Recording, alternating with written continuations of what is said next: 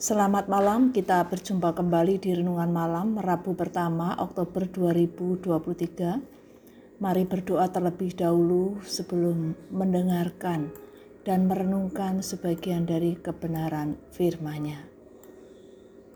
Bapa yang di surga, kami berterima kasih atas kasih setia Tuhan yang memampukan kami untuk melewati kehidupan sepanjang hari ini. Tolonglah kami memahami firman-Mu yang akan kami dengarkan dan renungkan dengan benar sesuai kehendak Tuhan. Dalam nama Tuhan Yesus kami berdoa mohon pertolongan. Amin.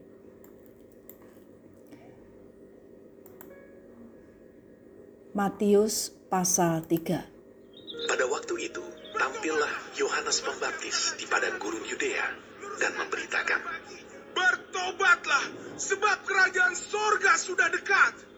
Sesungguhnya dialah yang dimaksudkan Nabi Yesaya ketika ia berkata, Ada suara orang yang berseru-seru di padang gurun. Persiapkanlah jalan untuk Tuhan, luruskanlah jalan baginya.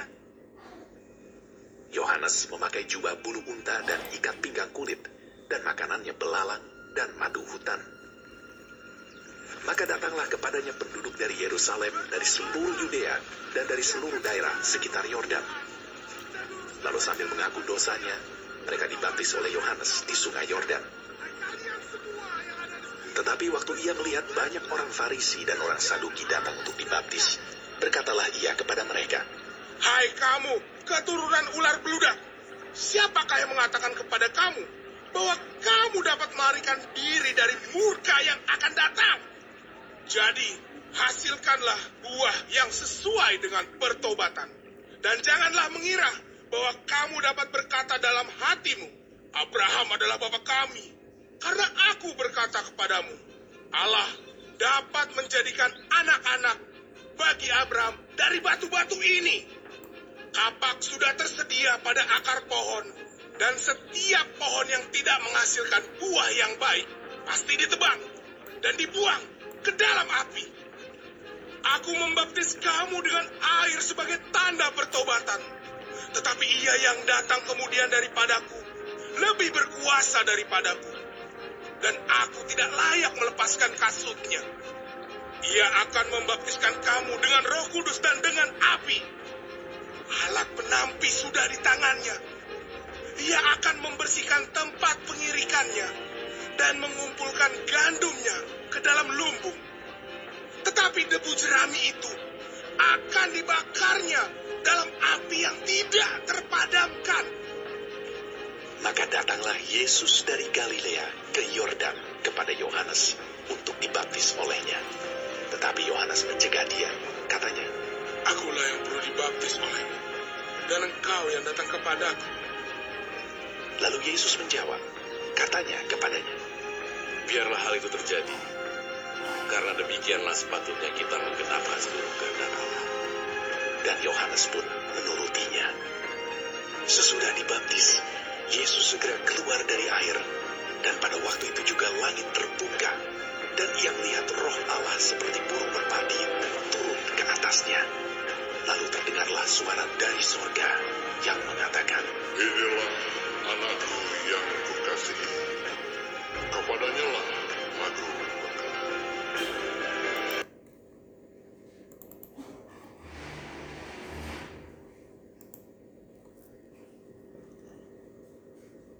Dalam kitab Matius 3 ini dikisahkan bahwa Yohanes Pembaptis datang untuk mempersiapkan jalan Tuhan. Dengan memberitakan pertobatan dan pengakuan dosa. Yohanes adalah orang yang dinubuatkan Nabi Yesaya untuk mempersiapkan jalan bagi Mesias.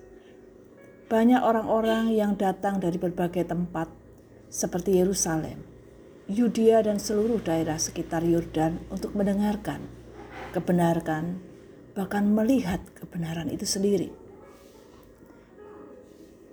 Yohanes memberitakan bahwa yang pertama, pertobatan bukan sekedar merasa tidak enak dengan apa yang kita lakukan atau katakan. Pertobatan juga bukan hanya sekedar meninggalkan kebiasaan-kebiasaan yang salah. Pertobatan yang sejati berasal dari kasih karunia Allah di dalam hati orang berdosa yang membuat sungguh-sungguh menyadari dosa-dosanya, meninggalkan dosa dan kembali pada Allah, berjalan pada jalan yang telah ditetapkan oleh Allah. Bukan seperti orang-orang Farisi dalam pasal 3 ini. Banyak orang yang kelihatannya ingin bertobat atau tampak bertobat, tetapi tidak ada buah yang nyata karena tidak ada akar yang benar. Buah pertobatan itu akan kelihatan dalam perbuatan nyata, seperti kasih, kesabaran, kesetiaan, kelemah lembutan, kemurahan, penguasaan diri, kebaikan. Mari kita renungkan dalam kehidupan kita masing-masing. Buah pertobatan apakah yang ada dalam hidup kita yang dapat dirasakan oleh sesama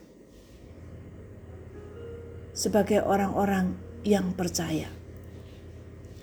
Yang kedua, Kristus datang pada Yohanes untuk dibaptis, bukan karena ia membutuhkan baptisan pertobatan Yohanes, tetapi karena ia menggenapi seluruh kehendak Allah. Yesus dibaptis karena menggenapi seluruh kebenaran. Baptisan saat ini merupakan cara untuk mengidentifikasikan kehidupan kita dengan Yesus. Kita tidak layak mendapatkan juru selamat, dan karena Yesus kita selamat. Yesus datang ke dunia menunjukkan pada dunia bahwa Yesus adalah Mesias yang dijanjikan. Ia menjadi sama dengan orang-orang berdosa.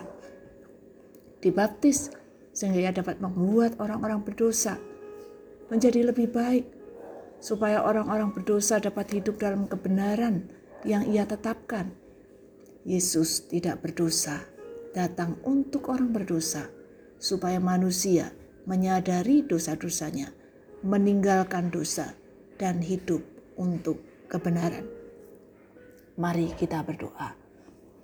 Bapa yang di surga, kami berterima kasih. Firman-Mu mengingatkan bahwa sebagai orang-orang percaya, sudah seharusnya kami hidup seturut dengan kehendak Tuhan. Sudah seharusnya kami dapat menyatakan buah-buah pertobatan itu dalam kehidupan kami sehari-hari. Mari Tuhan menolong kami sebagai orang-orang percaya untuk sungguh-sungguh mau hidup di dalam kebenaran karena kami menyadari Tuhan sudah mengampuni dosa kami. Tuhan sudah menyelamatkan kami. Terima kasih Bapa, kami bersyukur berdoa di dalam nama Tuhan Yesus. Amin. Bapak Ibu sekalian, selamat malam, selamat beristirahat. Tuhan Yesus memberkati. Amin.